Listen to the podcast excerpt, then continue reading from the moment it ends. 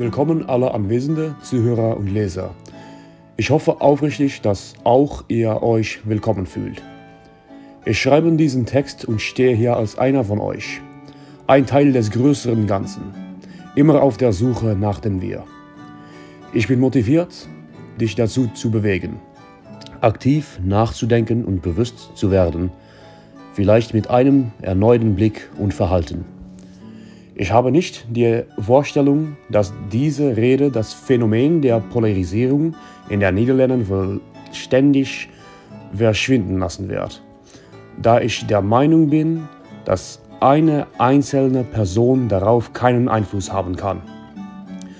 Dennoch möchte ich versuchen, das Thema der Polarisierung in der niederländischen Gesellschaft diskutierbar und veränderbar zu machen. In unserer vielfältigen Gesellschaft sind verschiedene Dinge für Menschen wichtig. Es lässt sich jedoch nicht leugnen, dass wir im Streben nach unseren eigenen Zielen die Bedürfnisse anderer Menschen Bescheid schieben können und im schlimmsten Fall den anderen zum Feind machen.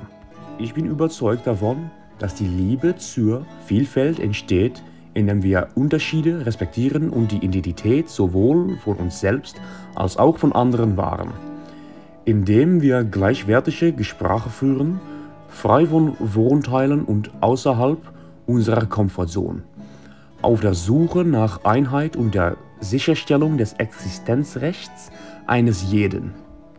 Ich möchte erklären, was Polarisierung bedeutet. Es ist das sich ablehnen, wenn wir uns auf eine Art und Weise verhalten, die uns abstößt oder mit der wir uns nicht identifizieren können. Das zuvor erwähnte offene Gespräch ist in Gefahr. Wir sehen unseren Gesprächspartner schnell als Feind an. Unsere eigenen Werte werden angegriffen durch die extremen Gegensätze, die einander gegenüberstehen.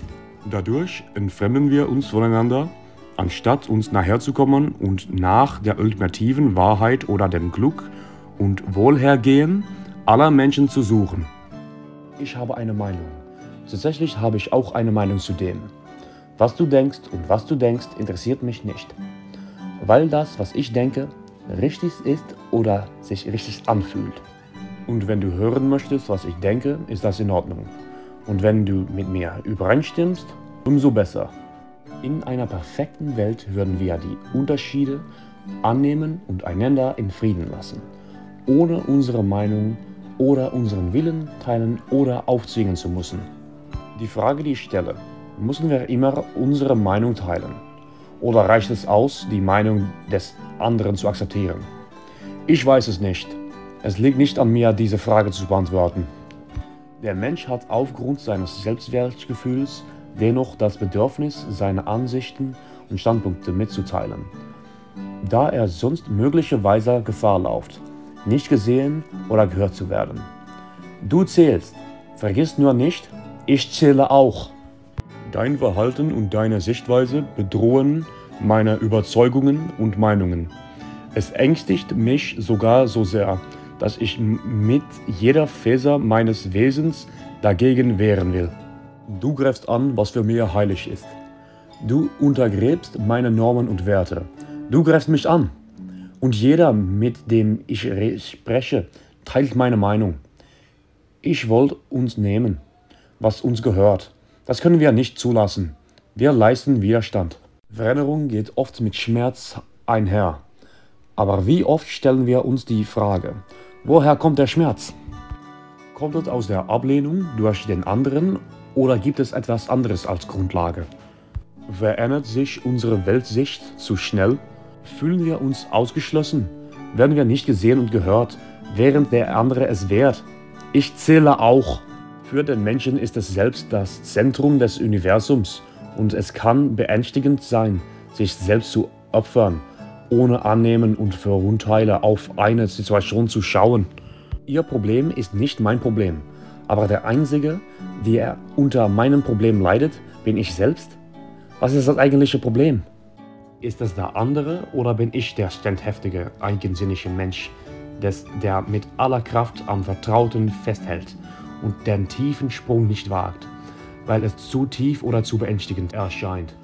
Ich möchte dich bitten, ehrlich auf dich selbst zu schauen.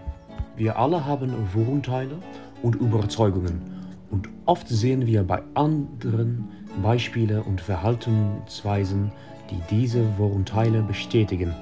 Wie oft gehst du auf das Fiend-Gespräch ein? Bist du offen für ein offenes Gespräch? Suchst du den Kontakt zum anderen? Wenn ja, aus welcher Überzeugung heraus tust du das? Suchst du nach Bestätigung deiner eigenen Ansichten oder bist du offen für neue, unbekannte Informationen? Und wenn du es nicht tust, warum nicht? Was hält dich davon ab? Hast du Angst, dass sich deine Überzeugungen ändern? Oder gehst du davon aus, dass der andere nicht offen dafür ist? Die Angst vor dem Unbekannten ist menschlich. Und der einzige Weg, diese Angst zu überwinden, besteht darin, das Unbekannte kennenzulernen. Um Sokrates zu zitieren, Unwissenheit ist der Quelle aller Übels und nach Erasmus die Mutter des Hochmuts. Anstatt uns selbst weit weg von über dem anderen zu positionieren, fordere ich dich heraus, neben dem anderen zu stehen und des, den ersten Kontakt, den ersten Schritt zu machen. Deine eigenen Erfahrungen mit einer bestimmten Gruppe prägen deine Annahmen darüber, wie die Dinge sein werden. Diese Erfahrungen müssen jedoch nicht aussagekräftig für die gesamte Gruppe sein. Es handelt sich um persönliche Erfahrungen, die abschreckweckend wirken können. Bedeutet das dann, dass man niemandem aus dieser Gruppe vertrauen kann? nur weil zum Beispiel zwei Ehen wegen Untreue gescheitert sind? Absurd, oder? Leider ist dies oft unsere Denkweise. Ich habe es mit dort, dort, dort erlebt, also ist es so. Und was war dein Beitrag zu allem, zu diesem Ganzen? Schauen wir nicht auf uns selbst, sondern nur auf den anderen? Das sind schwierige Fragen, die wir alle persönlich beantworten müssen. Die Medien haben die Fähigkeit, Polarisierung zu fördern, entstehen zu lassen oder zu verstärken. Oft sehen wir Bilder und Nachrichten, die unsere Vorurteile bestätigen und das wird zur Wahrheit und wir fühlen uns in unseren Überzeugungen bestärkt. Siehst du, ich hatte recht. Oft sind wir nicht einmal bewusst, dass die Online-Algorithmen darauf ausgelegt sind, uns mit dem zu versorgen, was uns gefällt und mit dem wir einverstanden sind. Es ist ein Teufelskreis mit demselben Ergebnis, der sich immer wieder wiederholt. Die Bildung spielt eine wesentliche Rolle bei der Bekämpfung von Polarisierung. Das Klassenzimmer ist in den meisten Fällen ein äußerst vielfältiger Ort mit unterschiedlichen Meinungen und Überzeugungen. Der Schule ist der ideale Ort, um Unterschiede anzuerkennen und den neuen Generationen beizubringen. Offen für andere zu sein, sie zu akzeptieren, voneinander zu lernen und die Unterschiede gerade zu lieben. Denn das, was anders oder neu ist, erweitert unseren Horizont und fordert unsere persönliche Entwicklung. Normal lässt sich nicht allgemein definieren. Abgesehen davon, dass alles außerhalb des Gesetzes als nicht normal betrachtet werden kann. Das Haben einer Meinung ist jedoch nach dem Grundgesetz normal. Wie können wir dann jemanden aufgrund seines verfassungsmäßigen Rechts verurteilen? Selbst wenn uns eine Meinung verletzt, ist eine Meinung selten die Wahrheit. Es liegt an uns als Individuen, die Meinung, sie es unsere eigene oder die des anderen, positiv zu verändern und uns einander anzuhören, anstatt uns voneinander zu distanzieren und zu entfremden. Wir sollten Harmonie und Zusammenhalt suchen. Offenheit und Akzeptanz sind die ersten Schritte und insbesondere für Offenheit sehe ich eine wichtige Rolle für Schulen und das Bildungssystem. Schließlich möchte ich betonen, dass es wichtig ist, diese Botschaft auch an deine Mitmenschen wiederzugeben, Gespräche fortzusetzen und möglicherweise mit neuen Erkenntnissen und Veränderungen zu bereichen. Teile diese Botschaft und verbreite sie weiter. Auf dem Weg von ihr, sie zu mehr Ich, wir und uns. Hier sind noch ein paar Tipps und Werkzeuge für euch. Einige Lehrer sind der Meinung, dass bestimmte Themen vermieden werden sollten, weil die Klasse oder die Schüler nicht bereit dafür seien. Meiner Meinung nach ist das nicht richtig. Schüler kommen in die Schule, um zu lernen, ihren Horizont zu erweitern und neue Erfahrungen zu machen.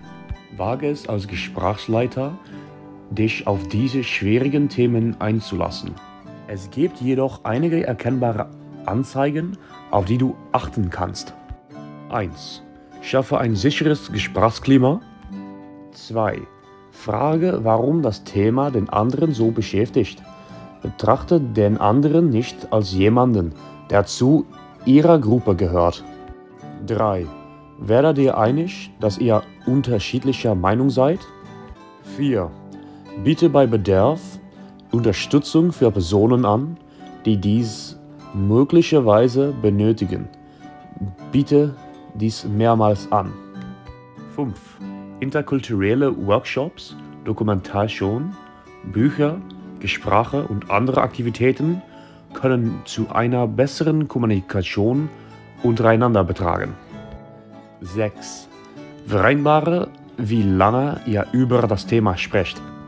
7. Betone, dass eine Diskussion kein Wettbewerb ist. 8. Benenne die Verbindung, die die Menschen untereinander haben, sofern sie vorhanden ist. Akzeptiere, dass wir nun mal Unterschiede haben. 9. Sei offen für den anderen. Sieh den anderen und höre den anderen, auch wenn du anderer Meinung bist. 10. Zähle bis 10, wenn du drohst, etwas Gemeines zu sagen. 11. Finde heraus, worin ihr euch einig seid. 12. Lass einander ausreden. 13. Teile ruhig mit, dass es dich berührt, so gegeneinander zu stehen. 14. Stelle das Thema vorübergehend zurück.